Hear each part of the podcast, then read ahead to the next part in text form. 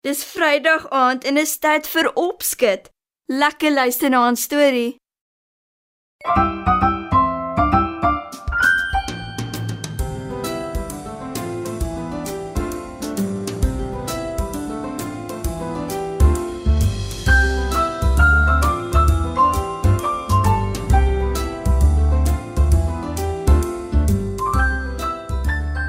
Goeienaand maats. In se storie, Vergeetagtige Elsie, vertel ek julle van 'n eekoring wat baie blapse maak omdat sy gedurig dinge vergeet. Juffrou Elsie trek haar huis se deur agter haar toe, sluit dit en begin aanstap busstop toe. Sy bly in 'n dieredorpie saam met haar dierevriende. Almal kom goed oor die weg en almal help mekaar wanneer dit nodig is. Juffrou Elsie is 'n eekoring en sy is die onderwyseres by die diereskool. Al die dierekinders in haar klas is lief vir haar. Vandag is Saterdag en dis wanneer juffrou Elsie haar weeklikse inkopies doen. Sy geniet dit om by die markie vars vrugte en heerlike neute uit te soek. Halfpad busstop toe, steek sy vas. Ag nee, my mandjie. Ek het my mandjie by die huis vergeet alweer. sê sy. Sy draai om en stap terug na haar huis toe. Juffrou Elsie is 'n goeie onderwyseres. Sy leer die dierekinders baie mooi en sy help graag die ander diere. Maar daar is een groot probleem. Sy is vergeetagtig. Die ander diere en die dierekinders aan haar klas terg haar gedurig daaroor. Dan glimlag sy maar net en sê: Ek weet. Ek werk daaraan, ek beloof. Maar sy bly vergeet. By haar huis aangekom, probeer sy haar voordeur oopsluit, maar te vergeefs. Wat is dit tog met hierdie deur? sê sy vies. Sy probeer weer, maar sonder enige sukses. Net toe kom haar beste maat, Petra die papegaai aangevlieg. Sy bars uit van die lag toe sy juffrou Elsie sien. Dit maak Elsie 'n bietjie vies. Dis nie snaaks nie, Petra. Hoekom verlekker jy jou in my probleem? Ek het gedink ons is vriende. sê sy. Kyk bietjie om jou rond, Elsie. Antwoord Petra. Hoekom? Wil jy gek van my maak vir die ander diere? Vra Elsie seergemaak. Nee, natuurlik nie. Ek sal nooit so iets doen nie. En ja, ons is vriende. Heel beste vriende. Maar kyk mooi. Wie se huis is dit? sê Petra. Myne. Dis my huis. Wat gaan aan met jou? Antwoord Elsie verontwaardig. Petra sê niks nie en juffrou Elsie begin om haar rondkyk. Sy sien 'n bloedrooi malvaplant in 'n pot langs haar voordeur. Sy frons en sê: Wanneer het ek die plant gekry? Jy het nie, Elsie. Dis nie jou plant nie en dis ook nie jou voordeur of jou huis nie. antwoord Petra simpatiek. Elsie kyk om haar rond. En ja, so waar, sy's by die verkeerde huis voor die verkeerde deur. Dis hoekom sy dit nie oopgesluit kry nie. Sy laat sak haar kop en sê skaam: Ek was op pad mark toe. Toe ek agterkom, ek het my mandjie vergeet. Sy wil nog verder verduidelik, maar Petra keer haar en sê: Toe kom jy vinnig huis toe om jou mandjie te kry en omdat jy haastig was, kies jy die verkeerde huis.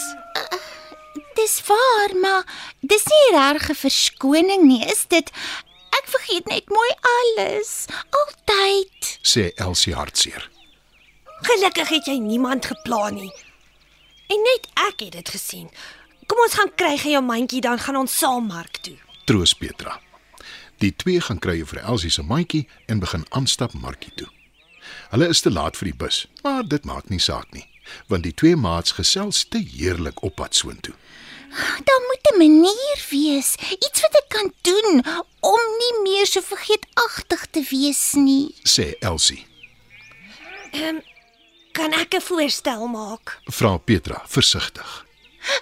Natuurlik enigiets wat my kan help. Antwoord Elsie.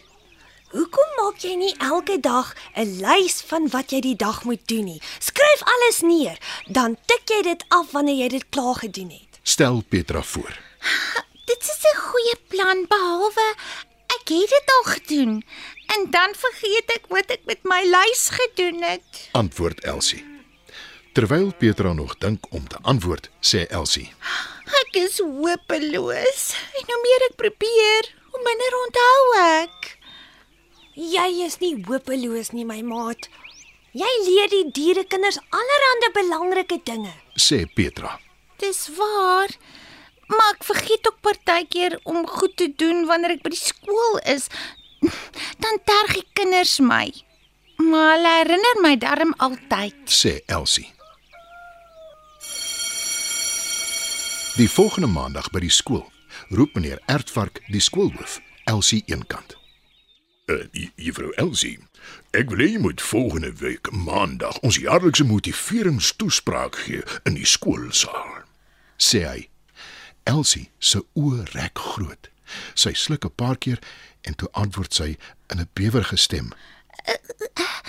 Regtig, meneer? Die, die kinders het groot ontzag vir jou en jy weet hoe om met hulle te praat. Is dit reg so? Antwoord meneer Ertvark. Ja, meneer. Reg, meneer. Is 'n groot voorreg. Baie dankie. sê Elsie. En die res van die week berei sy haar toespraak voor. Sy dra dit 'n hele paar keer vir haarself voor in haar spieël. Daarna dra sy dit vir Petra voor. En toe die groot dag aanbreek, is sy op haar senuwees, maar sy is ook reg vir aksie. Sy staan dou voor dag op om reg te maak om skool toe te gaan. Voordat sy uit haar huis gaan, kyk sy vir oulaas na haarself in die spieël en sê: Jy kan dit doen, Elsie. Juffrou Elsie daag vroeg op by die skool, voordat enige iemand nog daar is. Sy het 'n sleutel vir die skoolsaal en sy sluit dit oop. Toe klim sy op die verhoog en sy gaan die mikrofoon na. Uh 1 2 3. Uh kan julle almal my mooi hoor? sê Elsie oor die mikrofoon. Toe wag sy geduldig vir die skoolhoof en die leerdlinge. Sy wag en sy wag, maar niemand daag op nie. Dis een van die belangrikste dae in my lewe en hier souwaar nog niemand nie. sê sy vies. Toe hoor sy 'n stem aan die ander kant van die skoolsaal. Hallo juffrou Elsie. Wat maak juffrou hier? Dis Mimpie Muis en sy is alleen. Ek hou vandag my toespraak, maar daar's niemand hier nie. Oh, kan dit wees dat almal my 'n poets wil bak? sê Elsie. Nee, juffrou, nooit nie, maar dis Sondag. Juffrou se toespraak is eers môre. antwoord Mimpie. Elsie bars uit van die lag en sê: Juffrou Elsie die vergeetagtige eekoring. Toe maar, juffrou. Ek het my sambreel kom haal wat ek hier vergeet het. So ek is ook vergeetagtig. sê Mimpie. Die volgende oggend, maandagooggend, toe juffrou Elsie haar toespraak hou, begin sy deur te vertel hoe sy die vorige dag al by die skool opgedaag het. Deels omdat ek, soos wat julle almal weet, vergeetagtig is, maar ook omdat ek baie uitgesien het om met julle te praat. sê sy. Almal klap hande, want almal is dit eens. Juffrou Elsie is 'n onderwyseres 1000.